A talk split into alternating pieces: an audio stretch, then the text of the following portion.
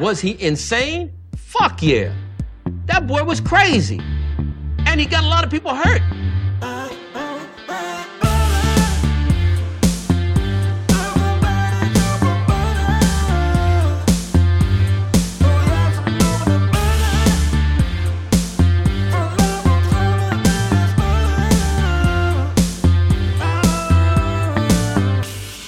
Like butter. I fucking love butter. I fucking love it. What's up, goedemorgen motherfuckers. Het is je boy Badr aflevering. We gaan weer bla bla bla bla bla bla bla. Eigenlijk moet je ook voor een podcast nemen, moet je ook gewoon altijd even een warming upje doen. Als je nu, net als ik, gewoon uit het niets opeens gaat beginnen met opnemen, dan krijg je dit soort praktijk. Dames en heren, welkom. Het is alweer een nieuwe aflevering van de Badr Show. Het is zaterdag, we hebben er weer een krantje erbij. Badr gaat de krant lezen, zodat jij niet door al die hele bullshit heen moet te spitten. Hey, we hebben weer, het is vandaag de 20ste van maart. Het is bijna lente, jongens. Het is de laatste dag van de motherfucking winter. Morgen is het lente.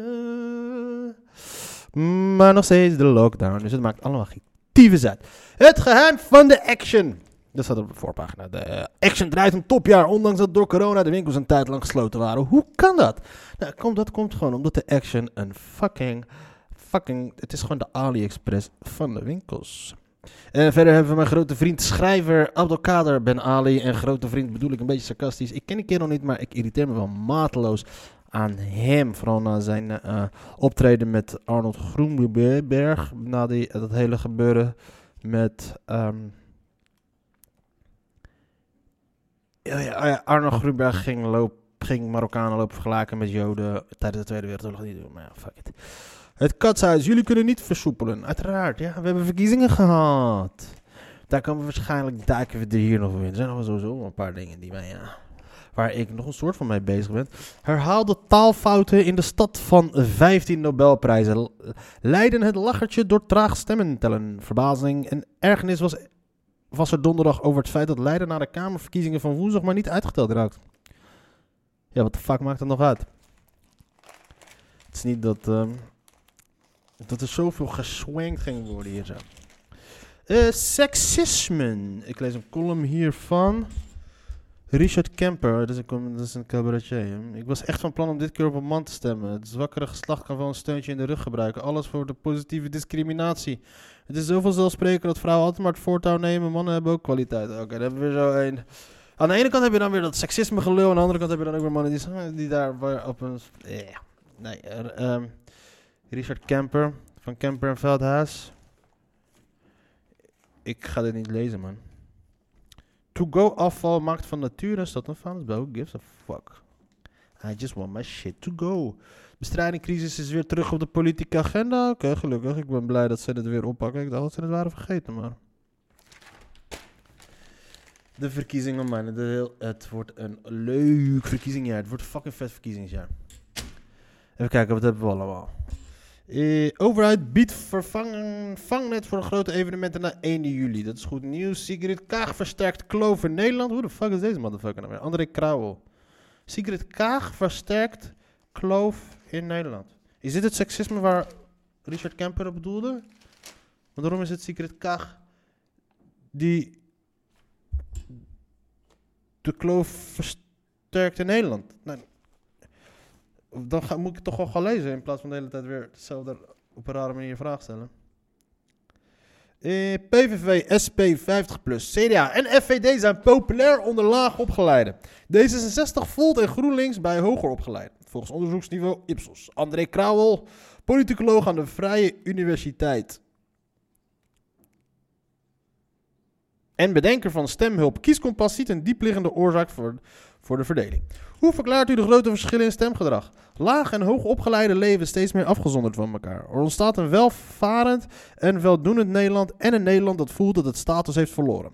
Vroeger sneed religie er doorheen, nu zijn er ge- geen dwarsverbanden meer. Daarom verbaast het mij zo dat mevrouw Kaag roept dat de gematigdheid heeft gewonnen. Zij begrijpt niet dat mensen haar zien en denken, dit die is niet goed bij haar hoofd. Zij is net als Forum voor Democratie, een pool van extremisme binnen culturele conflicten. Mensen denken ze wil ons genderneutrale toiletten opdringen en zwarte pieten afpakken. Dat ze dat niet ziet, vind ik stuitend en link. Ik weet niet waarom jij het verschil legt tussen met André Tussen Sigrid Kaag, waarom, dat, waarom Sigrid Kaag hetzelfde is als Thierry Baudet. Thierry Baudet... Waarom vindt u dat link? Omdat zij niet doorheeft dat ze de kloof vergroot. Ze is waarschijnlijk straks een vicepremier. Niet alleen van de stedelijke elite die met een bakfiets een kind naar een witte school brengt. U verwijst graag naar de tweede groepen met de termen anywhere. Maar waarom is Mark Rutte dan niet de man van eh, de elite van de kloof die de kloof vergroot en de mensen van een bakfiets en dat soort shit? Ik bedoel, zij zijn toch de partij van de rijken? Of is het weer... Zoals ik al eerder heb gezegd, Secret Kaag wordt aangepakt omdat ze waarschijnlijk gewoon een... ehm, vanwege het feit dat ze wat sympathieker staat tegenover... eh, dat ze een andere blik heeft op het Midden-Oosten dan, dan, dan, dan, dan de normale witte man. U verwijst graag naar de twee groepen met de termen anywheres en somewheres van journalist David Goodhart. Zijn die op Nederland toepasbaar? Ik weet niet wie David Goodhart is. Ja, ja, de overal mens vertrekt voor studie van huis en komt in een andere leefwereld. Waar die kennis en kunde opdoet die overal toepasbaar zijn. Kaag koos toen ze jong was tussen de Universiteit van Oxford en Exeter. Maar sommige mensen werken in familiebedrijven in Urk en leven in warme gezinnen en grote gemeenschappen. De afstand tussen die werelden leidt tot dominantie van hoogopgeleiden die denken dat hun waarden superieur zijn en dat anderen raar zijn. Ze houden van Sinterklaas, hè, bah, of het zijn wappies. Die willen niet ingeënt worden. Wat gek. Alles wordt een enorme cultuurclash. Terwijl het in kern een vraagstuk is van economische ongelijkheid. Dat echte probleem wordt vergeten, waardoor links wordt vermorzeld. Eh, daar heeft hij misschien wel een punt. Maar waar blijft de cultuurclash? Maar waar blijft dat... eh, waar blijft dat verhaal dan met eh, Rutte, en... Wil, ja.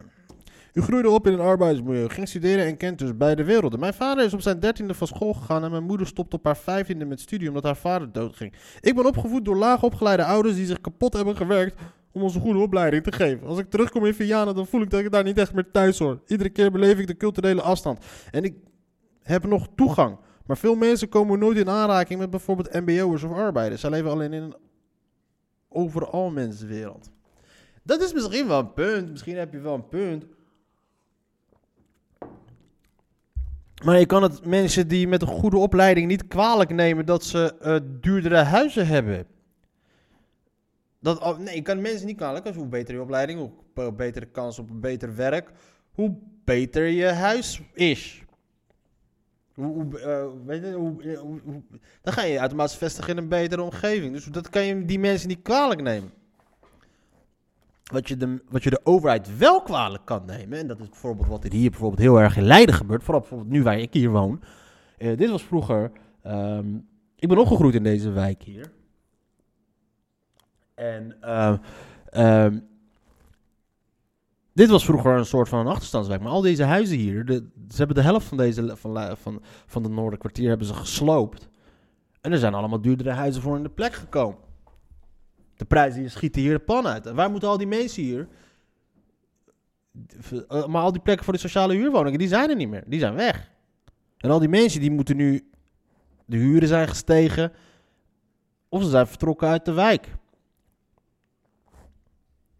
Dat is wel een issue. En sowieso ook ehm, de scholen. Ehm, ik ben van dus er moeten sowieso altijd VMBO, HAVO, VWO's scholen. Er moeten gewoon, er moeten gewoon veel meer sowieso altijd gewoon eh, geïntegreerde scholen zijn.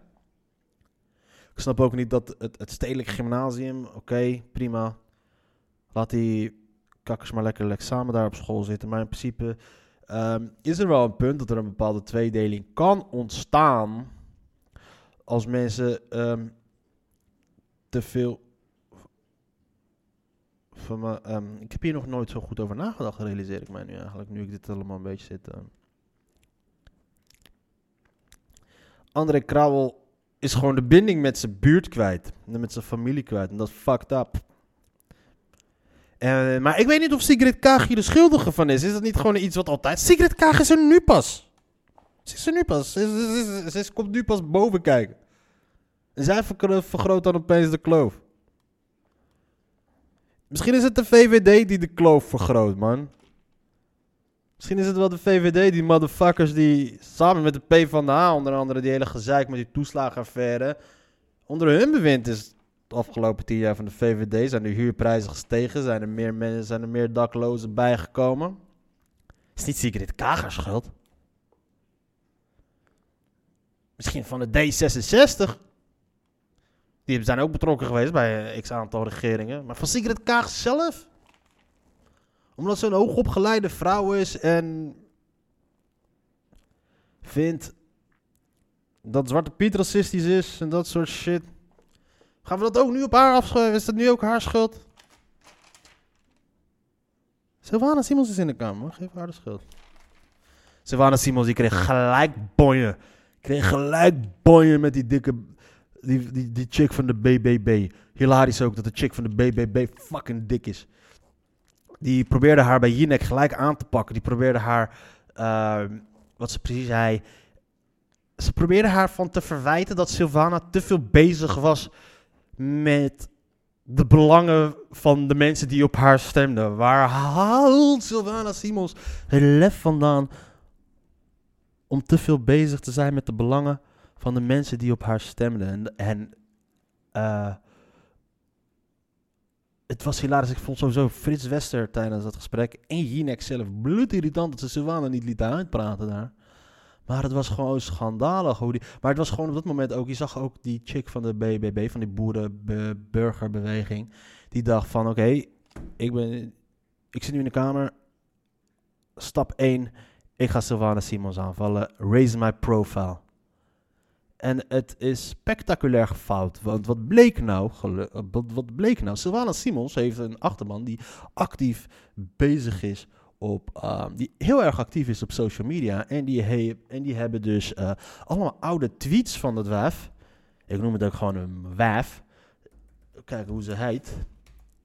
De BBB. Sylvana Simons valt BBB-lijsttrekker aan op kwetsende tweets. Ja, nee, AD.nl. Je kan het ook heel anders formuleren. Zoals de NOS het heeft formuleerd. Oké, dit moet je kijken. Twee dezelfde berichten over twee dezelfde onderwerpen. En het verschil tussen de NOS, de, de kop van de NOS en de kop van het AD. De AD, Sylvana Simons valt, boerenbeweging, baba, BBB, lijsttrekker aan op kwetsende tweets. En, eh, en dan eh quoten ze, en dan eh, quoten ze, in de titel quoten ze dan die Caroline van der Plas. Nee, er staat gewoon echt Caroline, maar er zit dus een stip op mijn beeldscherm waardoor ik denk dat het Caroline is. Eh kapot maken is begonnen. Dus kijk wat het hebben. Motherfuckers, het is... En eh, de NOS quote... Partijleider BBB onder vuur om oude tweets. Zelf spreekt ze van een haatcampagne. Kijk wat een wereld van verschil. Caroline van der Plas, lijsttrekker van Boer-Burgerbeweging en een van de nieuwkomers in de Tweede Kamer, is vandaag naar eigen zeggen doelwit geworden van een persoonlijke haatcampagne. Diverse twitteraars, onder wie bij één lijsttrekker Sylvana Simons, wijzen van der Plas op een reeks oude tweets die homofoob en racistisch van aard zouden zijn. In een uitgebreide verklaring wijst van der Plas alle beschuldigingen van, eh, van zich af. Er wordt gesuggereerd dat ik homofoob ben. Ik werp mij hier verder vanaf, laat ze weten. Excuses maakt ze niet. Oké. En hoe bericht NOS hierover? Partijleider Caroline van der Plas van Burgerbeweging Boeren, Boeren, Boeren, ik noem ze gewoon BBB, zegt dat er op sociale media een heidcampa- haatcampagne tegen haar is begonnen na haar discussie met Sylvana Simons van Bijeen, gisteren in het praatprogramma Jinek. Ah, dat AD, dat is ook gewoon een fucking, fucking sensatiekrant. Het AD begint steeds, ja, het AD is nu in principe gewoon praktisch hetzelfde als de Telegraaf tegenwoordig. Als je ziet wat voor titels ze, ze, eh, ze geven aan hun berichten. En ten tweede ook ehm, het Instagram, de Instagram-accounts van so-called BN'ers, ehm, van, van so-called BN'ers is gewoon een item bij hun op de voorpagina van hun website.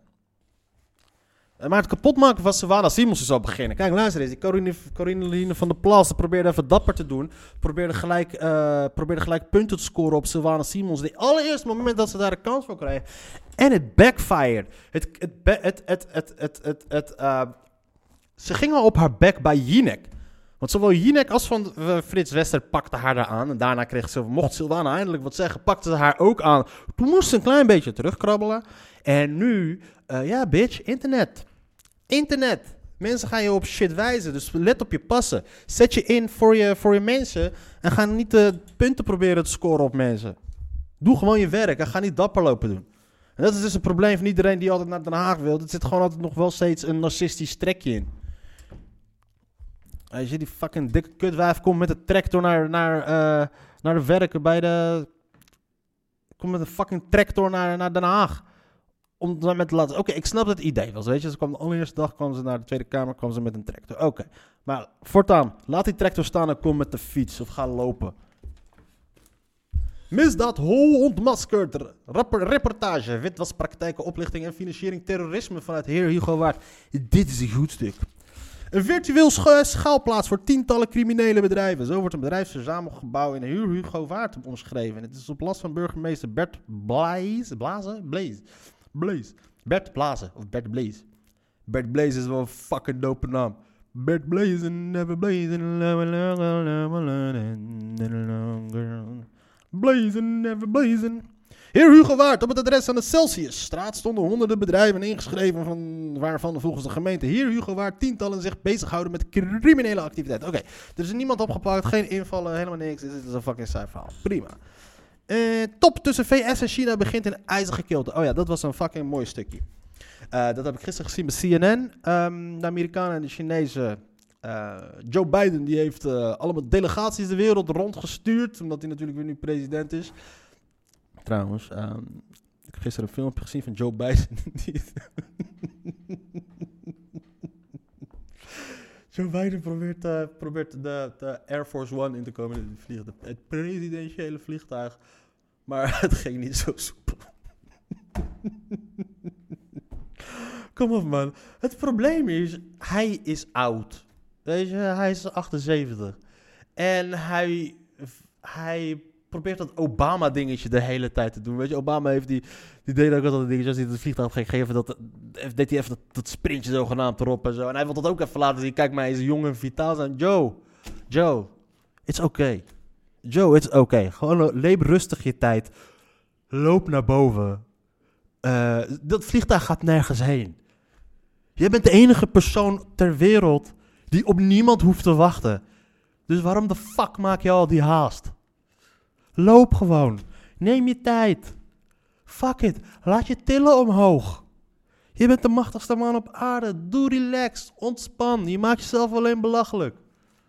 Kom op man. Je hoeft niet cool te zijn. Niemand heeft op jou gestemd om cool te zijn. Of iets. Doe gewoon je ding. Loop gewoon rustig naar boven en zorg niet dat je valt. Waar was het gebleven? Oh ja, Joe Biden die heeft, wereldwijd heeft dus allemaal delegaties rondgestuurd. En voornamelijk wat het focus bij hem was, dus op een gegeven moment wat mensen, mensen opviel. eh, nog ineens eentje echt direct naar Europa. De enige die naar Europa gaat is John Kerry. John Kerry, ja. John Kerry is wel een eh, zeer prominente Amerikaanse eh, politicus. Voormalig presidentskandidaat natuurlijk in 2004. Oud minister van Buitenlandse Zaken. En, maar nu is hij verantwoordelijk voor die klimaatdingetjes. en die heeft hij dus gestuurd naar Europa. Maar de rest van de, van de belangrijke mensen, de minister van Buitenlandse Zaken, minister van Defensie, eh, eh, nog een paar andere ministers, heeft ze allemaal gestuurd naar Zuidoost-Azië. En waar in Zuidoost-Azië? Dus allemaal, in eerste instantie allemaal naar Japan, Zuid-Korea, ehm eh, welke landen nog meer dan? En nog wat andere landen om China heen, om aan China een signaal te geven van, yo motherfuckers, stay in line. En nou was de minister van Buitenlandse Zaken van Amerika. Ik moet wel even zijn naam nu gaan weten. Want het is de minister van Buitenlandse Zaken van Amerika. Was, had, had eergisteren van de week dus een eh, gesprek met de minister van Buitenlandse Zaken van China. En dat was best wel grappig. Pre- Oké, dan gaan we lezen. Top tussen China, VS en China begint in ijzige kilte. Hij presenteerde zich in de verkiezingscampagne als een diplomaat. Maar voor zijn internationale tegenstanders gedraagt de Amerikaanse president Joe Biden zich net zo een uitgesproken plaaggeest als Donald Trump. Vooralsnog jaagt hij zowel China als Rusland tegen zich in het harnas. De sfeer op de eerste ontmoeting tussen topleiders van de VS en China in Alaska was net zo ijzig als de buitenlucht. Oh, dit was gewoon in Alaska, joh. Net zo ijzig als het buitenland. Dus dat is de in ijzige kilte. We, gooien het in de titel. Alaska, associaties, associaties, associaties, ijzige kilte, Alaska. Oké. De ramkoers van Biden met beide grootmachten lijkt op een ordinaire ruzie, waar Biden eerder zijn Russische collega Poetin voor een moordenaar uitmaakte. Daar boste zijn minister van Buitenlandse Zaken Anthony Blinken. Oké, Anthony Blinken, dat is dus zijn eh, minister van Buitenlandse Zaken nu. Keihard met Beijing. Hij. Peking. Maar het is toch geen Peking meer, het is toch Beijing? Toch? Hij hield in Alaska de Chinezen voor dat ze met sommige acties een bedreiging voor de wereldwijde stabiliteit vormen.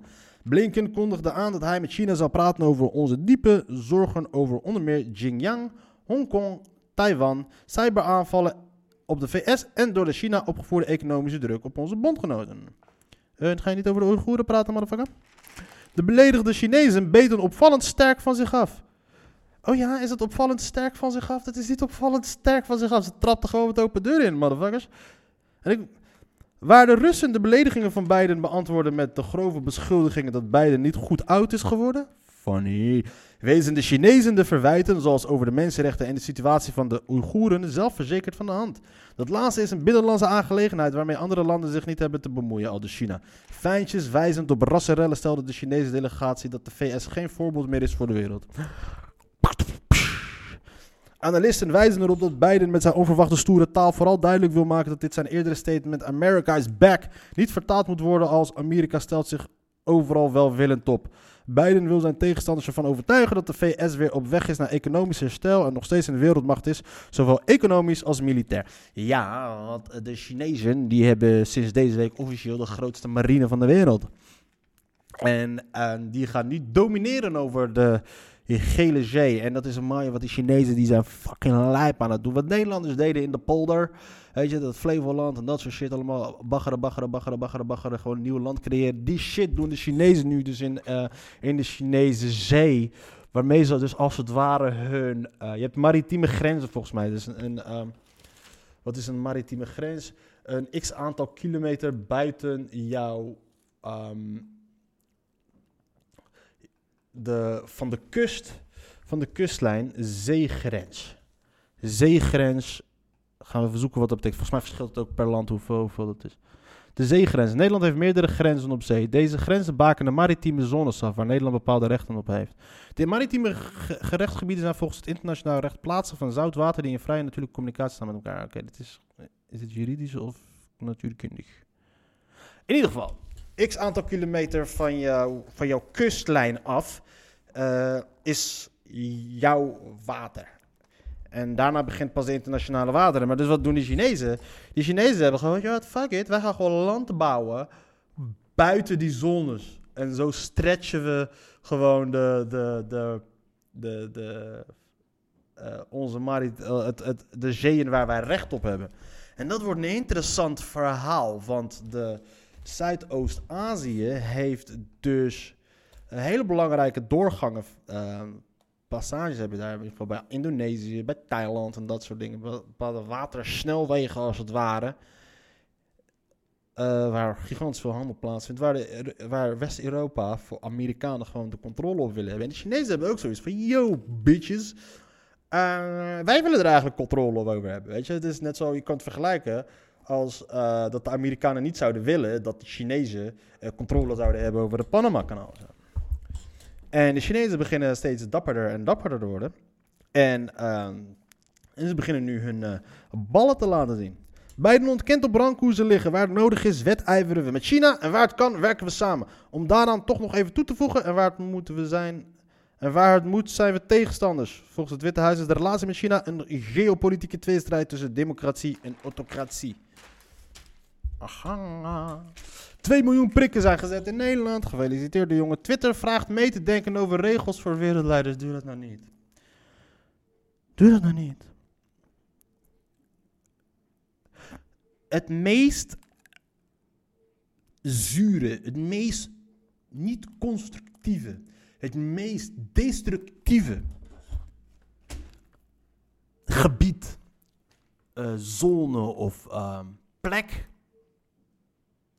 Waar je meningen vandaan moet halen en opinies moet gaan peilen. Is Twitter. Doe dat niet. Twitter is letterlijk oprecht. Is dat een. een, een, een, een, een, een, een, een plek met alleen maar zure mensen.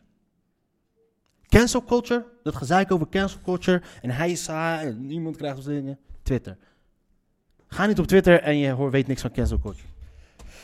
Twitter laat zijn gebruikers meedenken over de nieuwe regels voor wereldleiders die gebruik maken van het platform. Voor die groep gelden minder strenge regels dan voor anderen. Het bedrijf zegt het beleid te willen aanpassen aan de steeds veranderende manier waarop politie en overheidsfunctionarissen voor Twitter gebruik maken. Ja, eh, ik zal met jullie meedenken, Twitter, doe het niet. Vraag niet aan twitteraars naar hun mening. Half jaar cel voor corrupte agent die kerkleden observeerde.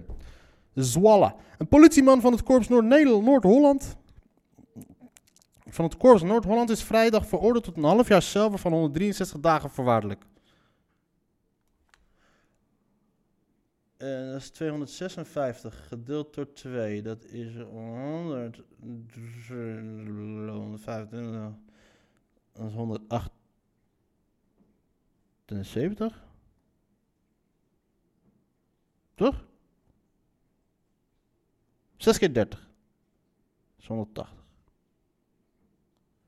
Uh, Oké, dus die gaat 22 dagen de cel in.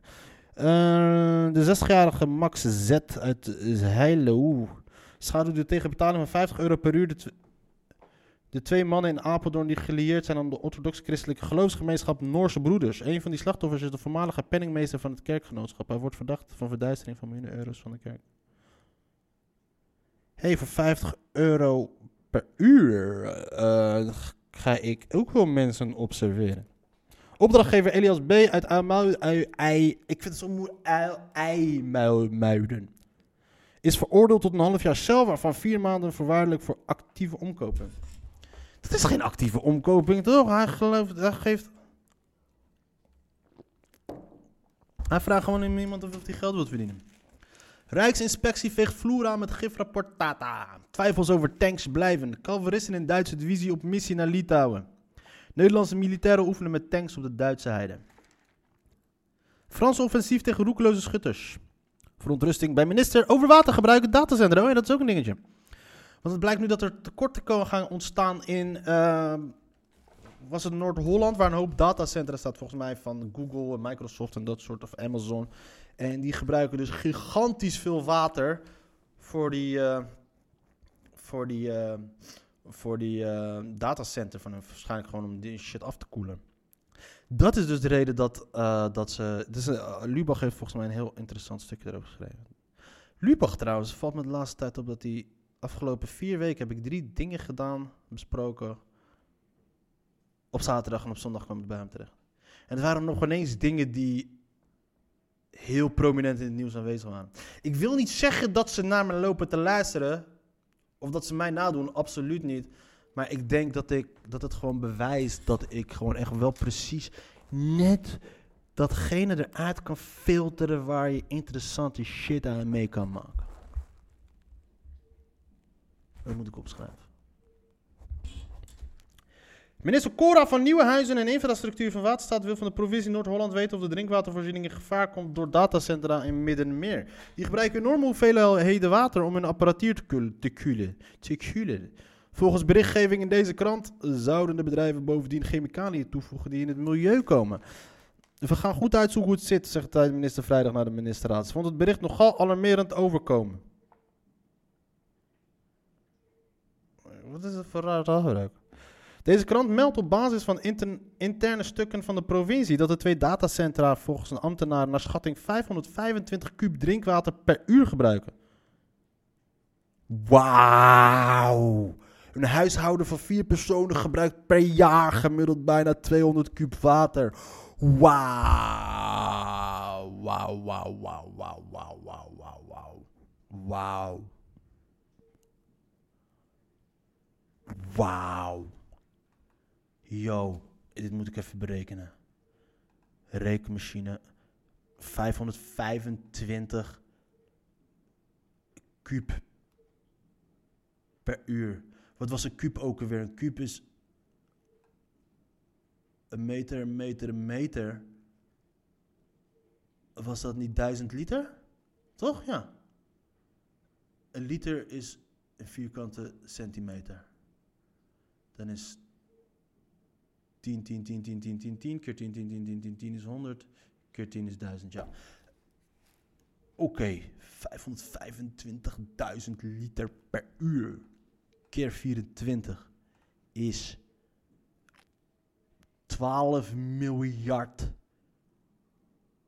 Toch? Nee, dat is geen.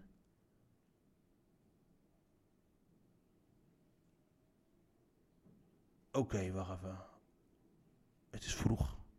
Oké, dan keer 3, 6, 5. Wauw. Keer 1000. Wauw. 4 en een half, 4,6 f- k- kleine 4,6 miljard liter per jaar. En als we dan gaan kijken.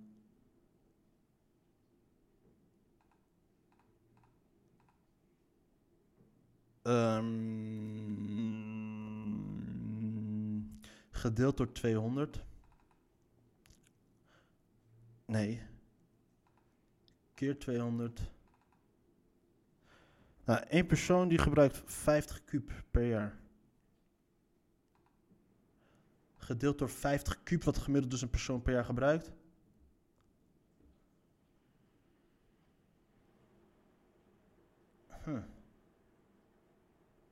Ik weet niet of ik de juiste rekensom heb gebruikt.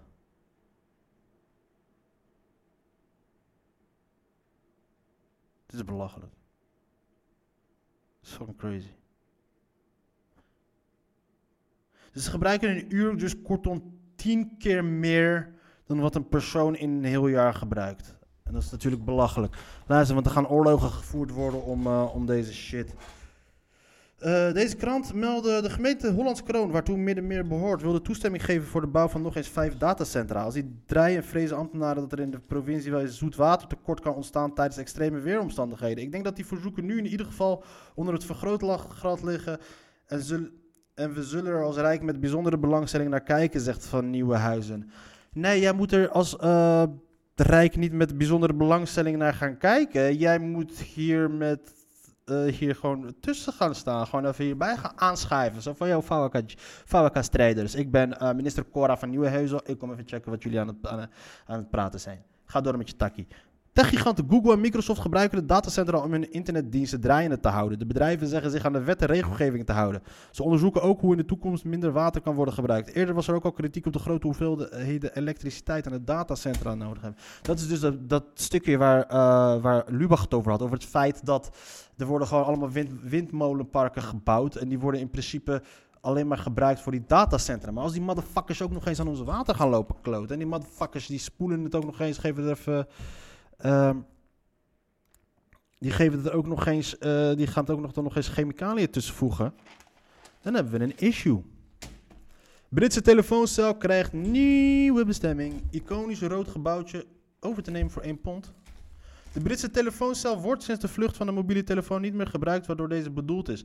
De vaak een bijna eeuwoude gezichtstrekkers krijgen een nieuw leven ingeblazen. Als bibliotheek of inruilplek voor stekjes blijven ze behouden. Hé, hey, dat is leuk, ja, inderdaad. Als je daar gewoon een soort van ruilboeken dingetje mee kan doen. Dat heb je hier ook sommige bij ons in de wijk. Dan heb je mensen die hebben dan zo'n eh, zo'n een, een kassie met waar je, boeken mee kan wisselen. Ik heb wel eens gekeken, er zitten een beetje saaie boeken in. Ik weet ook niet waarom zou je eigenlijk... Ja, dit idee is leuk. Groene Doelen is in gevaar door enorme vraag naar grondstoffen. Dat was altijd al het geval. Beursanalisten negeren slecht nieuws. AstraZeneca. Ik ga niet praten over de beurs. Hoe ver zit ik al nu? Hoe lang ben ik al aan het ouwe hoeren? 33 minuten, de tering. En heb ik, waar ik het over gehad? Helemaal niks. Deltaplan Leids cultuur. Minder stenen, meer inhoud. De kleine hazenwind tegenwacht een grote muzikale toekomst. Minder stenen, meer inhoud, daar staan we voor. Dat zei cultuurwethouder Yvonne van Delft. Vrijdag bij de presentatie van het Deltaplan Cultuur voor Leiden. Oké. Het Leidse muziekonderwijs blijft onderdeel uitmaken van de overkoepelende instantie B plus C. Het stadsbestuur komt terug op de eerste van plan. Bla bla. Maar Banner, als als jij als comedian, is dat niet interessant voor jou? Nope, I don't care. Steek mijn taart in het schrijven van geniale grappen. Oké. Dus, een, ehm, dus dat, de verkiezingen. Ga ik het hebben over verkiezingen? Fuck de verkiezingen. Ehm, ik las gisteren toevallig dat Lela Gül eh, uit huis is eh, vertrokken. Ik dacht dat ze al uit huis was vertrokken. Eh, want ik heb me er niet echt heel erg in verdiept. Eh, ik wist wel dat ze een boek had geschreven. En dat zij, waarin ze kritiek had op eh, haar Turkse en islamitische opvoeding. En dat ze daarmee wou gaan breken. Nou, dat is niks nieuws onder de zon. Ik bedoel, er zijn meerdere schrijvers van allochtone afkomst die daarover hebben geschreven. En eh, zij is ook niet de eerste die bedreigd zou zijn worden. En dat heeft dus tot onwijs gigantische heisa geleid. En mijn, wat, ehm, dus zij heeft dus, ze had dus een boek geschreven waarin ze dus de, eh, vertelt, kritiek heeft op haar opvoeding en dat soort dingen allemaal. En eh, ze is langs, wordt bedreigd en ze is langs eh, talkshows geweest allemaal. En dat had ik allemaal meegekregen. Volgens mij had ik ook aan. ehm, er zijn nog een paar andere comedians die daarmee in. Eh, die daar een mening over hadden en die mensen probeerden te cancelen. Eh, en eh, dat is dus Twitter. Ik, dat is dus Twitter. Ik zat een beetje, ik zat een beetje te scrollen op Twitter en ik, ik ah, never mind. Dat is dus het, het, het, het, het kanker genaamd Twitter. En ik was in de veronderstelling dat Lela Gül al dus al lang het huis uit was, ergens ondergedoken zat en vandaar, van daaruit dus haar boek aan het promoten was en het eh, verhaal aan het vertellen was over haar, hoe verschrikkelijk haar jeugd was. Maar lees ik gisteren dan opeens dat ze dus gisteren pas uit huis is vertrokken. En waarom? Omdat de boel was geëscaleerd omdat Geert Wilders iets positiefs over haar heeft gezegd. En ik denk, hè? Ah, oh, jij woonde nog thuis. Weet je, en ik, ik, ik, weet je, ik, ik vond het maar een raar verhaal. Ik vind het maar een raar verhaal. Ik heb me er niet in, in, in verdiept. Maar ik ga er even, weet je, oké. Oké. Ik heb me er, eh, weet je, Lila schreef een boek over haar, dit is de Volkskrant. L- Lale Gül schreef een boek over haar streng islamitische opvoeding en werd verketterd. Ik word een nestbevuiler genoemd. Oké, dus een 25 februari, mega groot artikel over haar in de Volkskrant. Het is wel een lekker wijf trouwens. Eh, twee weken na de verschijning van haar boek moet Lala Gül erkennen dat ze naïef is geweest. Het boek is verschenen dus 25 februari. Twee weken daarvoor, dat is dus begin februari. 19 maart gisteren is het huis uitgegaan. Twee weken na de verschijning van haar boek moet Lelle Gül erkennen dat ze naïef is geweest. Ze had het plan opgevat een verhaal te schrijven dat is gebaseerd op haar eigen leven. Een boek over een Amsterdams meisje dat zich ontworstelt uit het begrip van een streng islamitische gemeenschap. Bang dat dat thuis gedoe zou opleveren was ze niet. Haar ouders spreken gebrekkig Nederlands, die zouden niets van het boek hoeven meekrijgen. En wanneer ze onverhoopt toch over zouden horen, zou Gül beweren dat ze het verhaal uit haar duim had gezogen.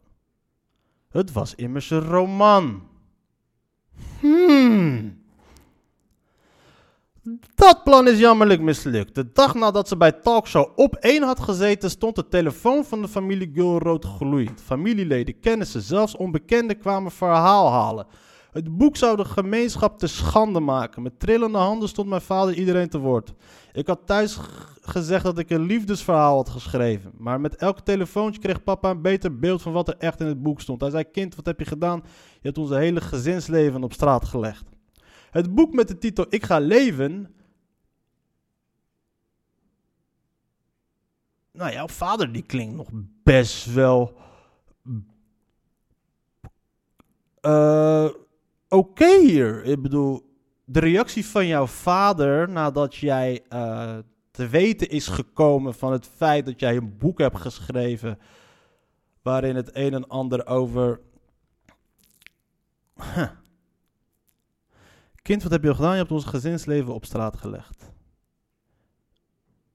Dus in een boek waarin jij dus het eh, kritiek hebt op de, op, in romanvorm kritiek hebt op de wijze van ja, hoe jij opgevoed bent, eh probeerde jij dus onder de te verhullen voor je ouders door te zeggen dat eh, dat ze alles uit de duim heeft gezogen, hebt gezogen. En het moment dat het dus naar buiten kwam, dat plan is jammerlijk mislukt. Want.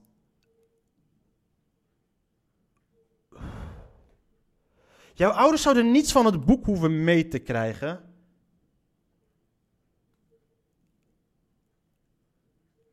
Dat dacht jij, dacht jij, dat dacht jij. En jij dacht dat nog steeds, zelfs nadat je bij op één aan tafel hebt gezeten. Hé, hey, ik heb je dochter op televisie gezien. Jij dacht dat niemand dat dacht. Oké. En met trillende handen stond mijn vader iedereen te woord. Ik had thuis gezegd dat ik een liefdeshaal had geschreven. En met elke telefoontje kreeg papa een beter beeld van wat er echt in het boek stond. Hij zei, kind, wat heb je gedaan? Je hebt ons hele gezinsleven op straat gelegd. Ehm, papa, ze noemt hem ook papa hier. Het is haar papa. Ik, ik, weet, ik weet niet, overal waar je als je...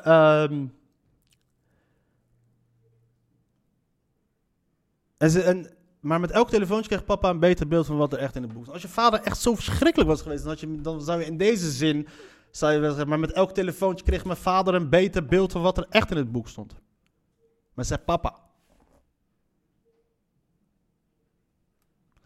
Eh, kind, wat heb je gedaan? Je hebt ons hele gezinsleven op straat gelegd. Hij heeft iets gezegd. Hij zei, kind, wat heb je gedaan? Güzel, Olum. Nee, Olum is zoon. Wat heb je gedaan? Hij heeft je niet in elkaar geslagen of dat soort shit. Zo, hij lijkt mij, komt tot dusver komt hij over als een milde man. Het boek met de titel Ik ga leven lezen als één lange tirade van het hoofdpersonage. Ze mag van haar ouders niet naar muziek luisteren of naar films kijken waarin wordt gezoend. Geen sieraden of make-up dragen en zelfs geen selfies maken. Geen verjaardagen vieren en beslist niet uitgaan. Niet op schoolreisjes, op vakanties, zonder mannelijk familielid. Vriendschap met jongens is ongepast. Laat staan het hebben van een vriendje. Nou, ze mocht dus wel naar op één. Terwijl de hoofdpersoon wel de behoefte voelt om te leven. Ze vraagt zich in het boek af wat ze met die verlangens moet. Moet ik leven als een kamerplant? Moet ik dan dadelijk in een huwelijk treden waar alle seks uit is geramd, nog voordat het is begonnen, omdat mijn verwekkers een volstrekt humorloze Koranvaste lul voor me hebben uitgekozen? Is dat waarvoor ik leef? Is God dan blij met mijn tragedie? Het boek biedt een verbluffende eerlijke inkijk in de belevingswereld van Gül. Ruzies tussen moeder en dochter worden in detail beschreven. Onverbloemde beschrijving van hoe de hoofdpersoon stiekem seks heeft met haar Nederlandse vriend wordt afgewisseld met bespiegeling over de islam. Haar ouders worden minachtend verwekkers genoemd. Moeders krijgt de bijnaam Carbonkel, de kakkelak en islamofascistische despotin. Dat is dus hoe ze haar ouders in het boek noemt. Maar nu ze geïnterviewd worden door een Volkskrant is het... En met elke telefoontje die, mijn die papa kreeg. Nu praat je over je vader in een hele andere context, maar in het boek. Was een islamofascistische despotin, dat je moeder een carbonkel, de kakkelak was je vader. De giftige toon was afhankelijk niet de bedoeling, zegt Gül. Ik was van plan om onze gebeurtenis zo feitelijk mogelijk op te schrijven en het oordeel aan de lezer te laten. Maar tijdens het schrijven werd ik weer boos op mijn ouders. Toen besloot ik, die woede mag de lezer best proeven. Papa.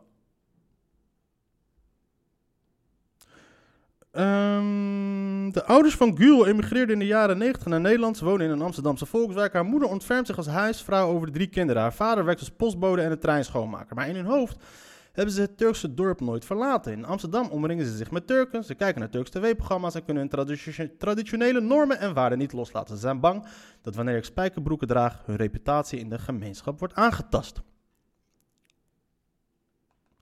Ehm, even kijken. Gül op één.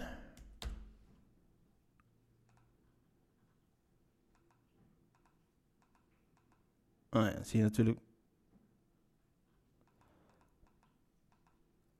En dat zie ik, zie ik, zie stukje hierbij op één. Ze praten met Jort Kelder. Wie is het langst aan het woord? Wie is er heel lang aan het woord? Klaas Dijkhoff. Waarom is Klaas Dijkhoff voornamelijk aan het woord en niet zij? Daarnaast speelt het geloof een grote rol. Als devote moslims geloven ze in een hemel en hel. Ze willen niet dat hun kinderen in de eeuwige vuur zullen branden. Daarom leggen ze mij beperkingen op. Mijn moeder gelooft bovendien dat mijn zonden voor haar rekening zullen komen. Op de dag des oordeels.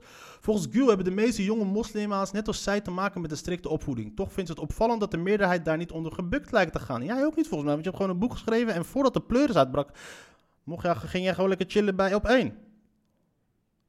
Op de Vrije Universiteit, waar ik Nederlands studeer, spreek ik regelmatig hoogopgeleide moslima's die niet zomaar mogen uitgaan of vriendjes mogen hebben. Die voelen minder de behoefte om openlijk te rebelleren.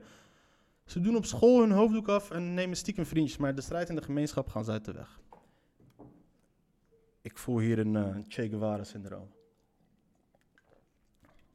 Martelaar-syndroom. Gül's strijd begon op de Koranschool van de Turkse stichting Miligurus. In haar boek beschrijft Gül over de hoofdpersoon blijft proberen westers op te voorzoenen met het leven van de profeet. Toen ik 16 was, keek ik naar YouTube-films van linkse Turken. Die vinden dat je geloofregels niet letterlijk moet nemen. Een week later, zoals in de les, toen besefte ik dat homoseksualiteit een ziekte... Betwijfelde je of homoseksualiteit een ziekte was. Sinds haar achttiende beschouwt Gül zichzelf als islamofoob. Ik ben me zorgen gaan maken over de invloed van het geloof ik ken geen enkel islamitisch land waar het als homo-afvallig of feministische vrouw aangenaam leven is. Elke poging om de islam te moderniseren van vrouwelijke imams tot moskeeën waar homo's welkom zijn, tot wordt tegengewerkt. Yo, ik call bullshit, man. Deze, deze chick loopt de, die lult uit haar nek. Ik zeg het nu. Uh, Lale Gül lult uit haar nek. Oké. Dit is een, trouwens een bericht van 25 februari. Ook na de publicatie van haar roman staat Gül in de belangstelling. Ze ontvangt berichten van jonge vrouwen die zich Oké, maar thuis hangt de vlag er anders bij. Nee, wacht hoor. Lezers die haar danken voor het inkijken in de cultuur. Een brief van haar collega-schrijvers zoals Franka Treur, die zelf ook een roman schreef over haar gelovige opvoeding en een debutant stimuleert door te gaan beschrijven. Maar thuis hangt de vlag er anders bij. De dag na het optreden bij Op 1 brak daar, daar de pleuris uit. De pleuris uit. Dat brak volgens haar ook gisteren uit. Toen Geert Wilders wat over zei. Iemand die zich voordeed als voorzitter van Millie Gurus belde haar vader op en beloofde haar voor de rechter te slepen, zegt Gül. Millie Gurus ontkent dit. Een oom kwam langs en noemde me een vieze hoerendochter. Hij beloofde de tanden uit mijn mond te slaan. Mijn moeder zei: Ik kan je oom niet eens ongelijk geven. Je hebt er met dat boek om gevraagd. Op straat werd ze herkend en gevolgd, waarmee ze de aangifte deed wegens intimidatie. Sindsdien is ze maar weinig het huis uit geweest. Ook haar vader wil liever niet naar buiten om te voorkomen dat mensen verhaal komen halen. Sinds het verschijnen van het boek gaat hij niet meer naar de moskee. Maar vanwege zijn werk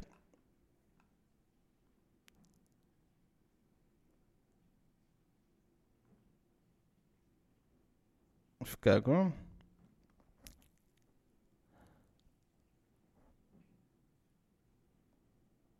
Uh...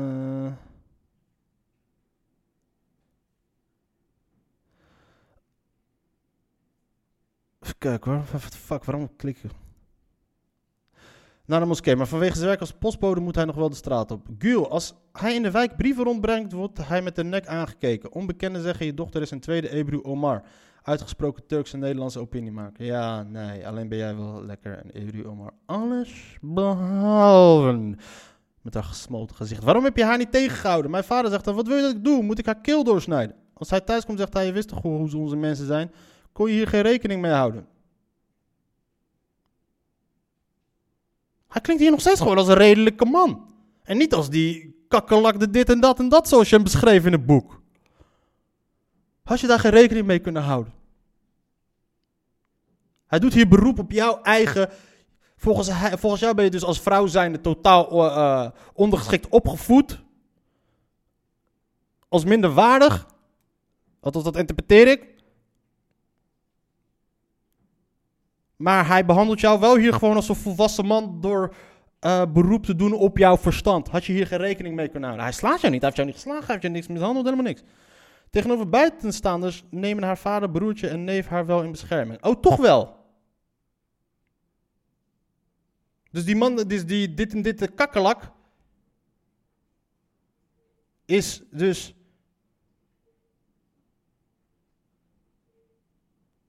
Dus die, dus die man die jij in het boek beschreef als een kakkelak, neemt je toch nog wel in bescherming. Mijn broertje waarschuwt mensen. Wie mijn zus aanraakt, krijgt met mij te maken. Zonder zijn steun was ik verloren. Dan had ik al lang klappen gekregen. Dus oké, dus jouw broer, dus je had ook nog een broer. Je hebt nog steeds een broer die voor jou opkomt. Een broertje die voor jou opkomt en die jou steunt, die jou in bescherming neemt. En een vader die dus ondanks, ondanks die uh, kritiek die hij krijgt uit de gemeenschap het nog steeds voor jou opneemt. Omdat jij een boek hebt geschreven waarin een soort van autobiografisch boek. En in hetzelfde boek noem jij die mannen de kakkerlak nog iets. En in het boek beschrijf je over hoe verschrikkelijk je opvoeding was. Gil had gehoopt op de steun van andere familieleden, maar die keren zich juist van haar af. Het valt haar zwaar. Ik word een nestbevuiler genoemd, maar dat heb ik ook opgeschreven in mijn leven. Maar wat ik heb opgeschreven is mijn leven. Het is toch mijn recht om dit verhaal te vertellen? Uiteraard, liever. Dat blijf ik herhalen, maar dat ga ik me niet doen. Het is alsof we elkaar, langs elkaar heen praten.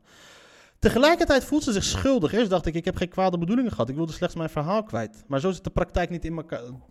Maar zo zit de praktijk niet in elkaar. Ik zie dat mijn ouders er ziek van worden. Mijn moeder ligt nu al twee weken in bed te jammeren. Tegen mijn tienjarige zus, als ik een verlamming krijg of zelfmoord pleeg, is het Lales schuld. Dat maakt een kind van streek. Gisteren kwam mijn zusje naar me toe. Beloof me dat je niets meer doet, zei ze huilend. Ik wil niet dat mama iets overkomt. Als ik dit aan Nederlandse vrienden vertel, zeggen ze: Je moet je niet schuldig voelen, dit is niet hoe het hoort, en toch moet ik er rekening mee houden. Want een groot deel van haar familie heeft haar verstoten, haar ouders nog niet. Dat heeft mijn vader en moeder de grootste mogelijke moeite gekost. Ze boden me een keus. Ze zeiden: We gaan ervan uit dat je berouw hebt, we vergeven je boek op voorwaarde dat je niet meer zult mengen in het publieke debat. Ja, publie- publieke debat. Ja, is daar een Turks woord voor? Ik mag blij zijn met die reactie. Ik heb een boek geschreven en daarmee mijn verhaal de wereld in geslingerd. Nederland heeft een inkijk gekregen in mijn gemeenschap. Het doel is bereikt. Nu gaan de luiken weer dicht. Om mijn ouders tegemoet te komen, stop ik met publiceren. Ja, dit is dus ook zo'n eh, statement om aandacht mee te vragen. Ik ga stoppen met publiceren. Hey man, dit verhaal klopt niet. Ik, ik, ik, ik, I don't know. Dit, dit, dit is fucking raar verhaal. Je mag blij zijn met die reactie. Dus je hebt een reactie gekregen. Je ouders hebben je ondanks alles, hebben ze je vergeven. Mag je nog bij hen thuis wonen, is alles nog dikke prima. En ondanks dat je hun in je boek hebt beschreven als islamisch fascistische bla bla bla, hun op hun hele raar. heb, eh, gewoon fucking bullshit. Dit, ik, ik geloof dit niet. Of dat een makkelijke beslissing is, het blijft aan mijn knager. Er wordt gezegd dat ik talent heb. Ik ben de afgelopen week talloze malen gebeld. Of ik columns wil schrijven voor het Maanblad L. Of ik weer wil aanschrijven bij of op, op 1 om over de Turkse president Erdogan te vertellen. Ik begin dan weer te dromen van een carrière als schrijver of opiniekamer. Maar dat moet ik niet doen. Anders wrijf ik alleen nog maar meer in de vlek. En dan komt het niet meer goed. Ja, nee, nee, nee, nee, nee, nee, nee, nee, nee. Ik geloof het niet. Ik geloof het niet. Ze. Dus omdat ze. Dus oké, kortom. Ze schrijft een auto, soort van autobiografisch boek. Ik weet niet of ik Een roman die gebaseerd is op haar leven. Waarin er dus een vader en een moeder zijn. Die ze dus. eh, we gaan even. We gaan even die. De vader is Carbonkel de kakkerlak. Ze noemt ze nog ineens ehm, vader of moeder of papa of mama in het boek. Maar Carbonkel de kakkerlak, een islamofascistische despotin. En Alinea hierboven heeft ze het over haar vader. En dan zegt ze niet mijn vader, maar dan zegt ze papa. Dat is een niet verkozende manier. Als je een hekel hebt aan je vader, ga je niet zeggen... Ja, mijn papa, die, mijn papa heeft mij misbruikt. Nee, dan zeg ik, ik ben misbruikt door mijn vader. Papa is een liefkozend woord. Ik wou het voorbeeld van Eminem aanhalen. Eh, dat hij, hij, heeft het ook over zijn moeder. Hij noemt haar ook niet in zijn zinnen mama, maar dus dacht ik ook nee van... Sorry mama, never hurt you. Nee, dus dat. Dus dat vind ik al een soort van raar iets. Je noemt me hier papa, wat een soort van liefkozend is. En je, en, je, en je gebruikt hem nog ineens in de zin dat je hem direct aanspreekt, maar je vertelt iemand anders. Mijn papa. En vervolgens eh, heb je het over het boek wat je hebt geschreven, wat gebaseerd is op je eigen leven, waarin jij dus je vader en je moeder eh een carbonkel de kakkelak noemt en de ander noem je de islam, islamofascistische despotin. Oké. Ehm, als je ouders erachter zouden komen, dan zou jij tegen je zeggen dat je het allemaal hebt verzonnen. Dat, heb je, dat staat er ook nog in het boek.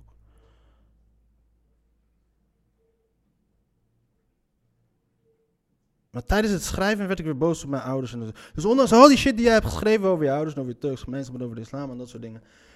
eh, hoe verschrikkelijk ze wel niet waren. Eh, en, vooral wat interessant is, is het feit dat zogenaamd de gemeenschap. Ze heeft het over de gemeenschap en wat voor invloed dat heeft op haar en op haar familie. En groepsdruk en dat soort shit. Dus in principe wil ze zeggen, vanwege de, de hele gemeenschap heeft veel invloed op haar leven. En om die van haar ouders. En dat haar ouders waarschijnlijk dan ehm, ehm, de mening van de gemeenschap te belangrijk vinden. Zij, gaat, zij komt bij op één. De pleuris breekt uit. De gemeenschap valt haar aan. Maar Carbonkel de kakkerlak en haar broertje nemen het voor haar op.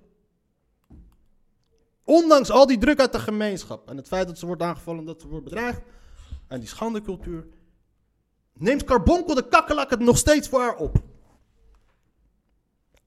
Raar. Oké, ik snap het niet. En dan komt het verhaal van dat ze haar ouders liever, die, uh, liever willen dat ze gaat schrijven.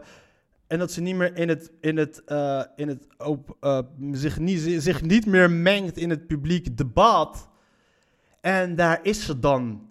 En daar gaat zij mee akkoord. En dat verkondigt zij in een mega groot artikel van de Volkskrant. Ja, ik heb besloten dat ik niet meer in de openbaarheid ga treden. Uh, in een, in, in een ellenlange interview met de Volkskrant. Waarin ze ook gaat zeggen dat ze officieel gaat stoppen met schrijven. Ja. Bullshit! Dit is, dit is gewoon uh, Conor McGregor die ook altijd riep dat hij ging stoppen. Riep hij ook met bepaalde redenen. Ik. Uh,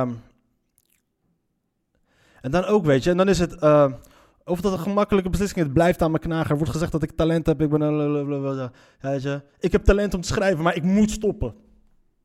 Ik moet stoppen. Want Carbonkel, de kakkerlakken en de islamofascistische, islam, islamofascistische despoot, die ondanks al die, die druk uit de Turkse gemeenschap mij nog steeds uh, in huis houden. En ondanks dat ze heel erg teleurgesteld in me zijn, beschermen ze me nog steeds naar de buitenwereld toe. Ik wil hun niet meer kwetsen. Ondanks dat je een boek hebt geschreven met als intentie om hun te kwetsen. Omdat je woedend was op ouders. Ga je nu lopen zeggen, ik ga stop. Ik ga niet meer naar buiten, naar buiten toe treden en bla bla bla bla bla bla. Ik heb talent dat soort dingen. Uh, door jarenlang te rebelleren heeft ze bepaalde vrijheden verworven, zeg ik. Ik hoef geen hoofddoek meer op en mag met make-up rondlopen. In de zomer kan ik op het strand liggen. Ik heb veel gelezen over hoe andere Turkse Nederlandse vrouwen zich hebben ontworsteld aan de grip van de gemeenschap.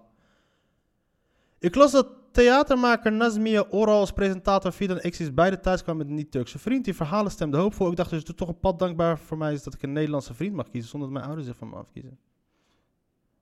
Dus als super streng gelovige ouders, Carbonkel de kakkelak en de islamofascistische despoot, hebben je toch ondanks alles, hebben, je toch daarvoor dat hele boek had je al uh, bepaalde vrijheden gekregen. Misschien had het niet alleen te maken met rebelleren, maar misschien ook met leeftijd, toch? Bedoel, als je 12, 16 bent, mag je andere dingen dan dat je 12 bent. Dus in hoeverre. Maar oké. Ik hoef geen hoofddoek meer op en mag met make-up rondlopen. Dus uiteindelijk, als je, zodra je ouder werd, mocht je meer dingen. En je mocht naar de zomer, kon je naar het strand. Van Carbon de kakkelak en de, is, en de islamofascistische despoot. En tot die tijd woonden ze gewoon nog steeds thuis. En ik had me er zelf niet echt in verdiept. Tot gisteren las ik opeens dat ze uit huis vertrekt. Ik denk, hé? Woonde zij nog thuis? Hoe dan? Maar wat bleek nou? Wat bleek nou? Um, Lilla Gül uh, thuis huis. Wat is dit voor shit? Waarom krijg ik geen artikelen? Oh, Lalegul. Ja, precies. Dus dit is het nieuws gisteren. Schrijfster Lala Gül is het ouderlijke huis ontvlucht. Ik denk, hè? Ik dacht dat ze al niet meer thuis wonen na al die huizen wat er is ontstaan. Lala Gül is haar ouderlijke huis ontvlucht, schrijft het Parool vrijdag. De 23 schrijft zegt door haar familie te zijn verstoten. Sinds de verschijning van haar boek Ik ga leven wordt ze bedreigd. Het was de enige uitweg, zag Goel tegen de parool. Ik ben door mijn familie verstoten. De pleuris blak helemaal uit toen ik door Geert Wilders werd geprezen. Hij noemde me een held of zo. Dat was de druppel, oké. Oké, na alles wat ik net heb gezegd. Dat hele stukje in de Volkskrant. Ze hebben tegen je... Dit is bullshit. Ik, ik geloof dit niet, man. Aan nu.nl vertelt Gul eerder dat ze haar koffers had gepakt omdat de spanningen hoog opliepen, maar dat ze niet zou vertrekken. Want als ik wegga, heb ik geen familie meer. Dan zullen ze me verstoten. Ik kan alleen het huis verlaten als ik met een Turkse man trouw. Hij mag net als ik vrijdenkend zijn. Dat is het compromis, zijn ze toen. Ze logeert nu tijdelijk bij een kennis en heeft contact gehad met haar, familie, met, met haar familie verbroken. Binnenkort heeft ze een eigen huis te kunnen betrekken. Oké. Ze heeft dus een heel boek geschreven. En ze dacht dat ze dat verborgen kon houden voor haar familie, want ze weten niet wat, eh, wat ze weten niet. eh, want ze dat, ze, hun, eh, dat, ze zijn het Nederlandse taal niet goed machtig. Wat ehm, apart is voor een postbode, want je zou toch eh, eh, adressen moeten kunnen lezen, maar oké. En, maar omdat ze dan, ze gingen ervan uit dat ze dit niet zouden gelezen, omdat ze de Nederlandse taal niet zo goed machtig zijn. Maar wat weten ze nou? Maar ze volgen wel Geert Wilders op Twitter. Ze logeert nu tijdelijk bij een kennis en heeft het contact met haar familie verbroken. Binnenkort hoopt ze een eigen huis te kunnen vertrekken. Heb je ook het contact met je broertje verbroken? Die 20-jarige broertje die tegen mij zei: Yo, via mijn zusje zit, sloop ik. Met hem heb je dus ook het contact geslo- gesloopt. In haar debuutroman schrijft Gil kritisch over islamistische. Ja, dit is fucking bullshit.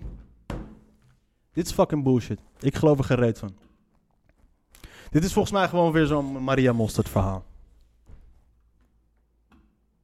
Ja, dit is fucking bullshit. Ja. Fucking bullshit. Dit is fucking bullshit. Dit verhaal klopt echt niet. Na alles wat er is gebeurd, de Turkse dreur over hoe verschrikkelijk de Turkse, geme- Turkse islamitische gemeenschap wel niet is. Na alles en nog wat, ondanks dat, zat je gewoon nog steeds thuis en namen je ouders het voor je op. Dat je een uitgemaakt had voor islam- islamofascistische despoot, carbonkel de kakkelak, that's alright. Maar de pleuris brak pas echt uit nadat Geert Wilders wat over jou heeft getweet. En wanneer heeft Geert Wilders wat over jou getweet dan?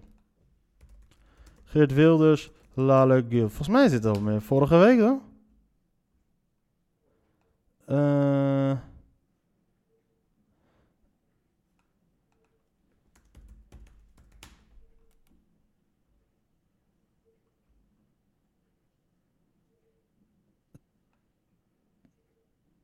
Vijf dagen geleden, oké. Maar nu brak dat opeens uit. Ze, ehm, haar ouders waren dus totaal niet geïnteresseerd in Nederlandse dingetjes. Zelfs niet als het haar, volgens haar om een boek van hun eigen dochter zou gaan. De pleuris zou niet uitbreken als ze bij op één komt en haar verhaal doet over van alles en nog wat. Waarin ze. Nee, de pleuris brak pas uit nadat Geert Wilders wat heeft gezegd. Ze was een tijdje stil. Verkiezingsuitslagen, dat domineerde het nieuws en nu ben je opeens huis uit. Yo, noem me een scepticus, maar ik geloof dit verhaal niet. Ik vind het bullshit. Dus dit was het. Yo, dames en heren, bedankt voor het luisteren. Eh, peace out, hou je taai en eh, keep it cool.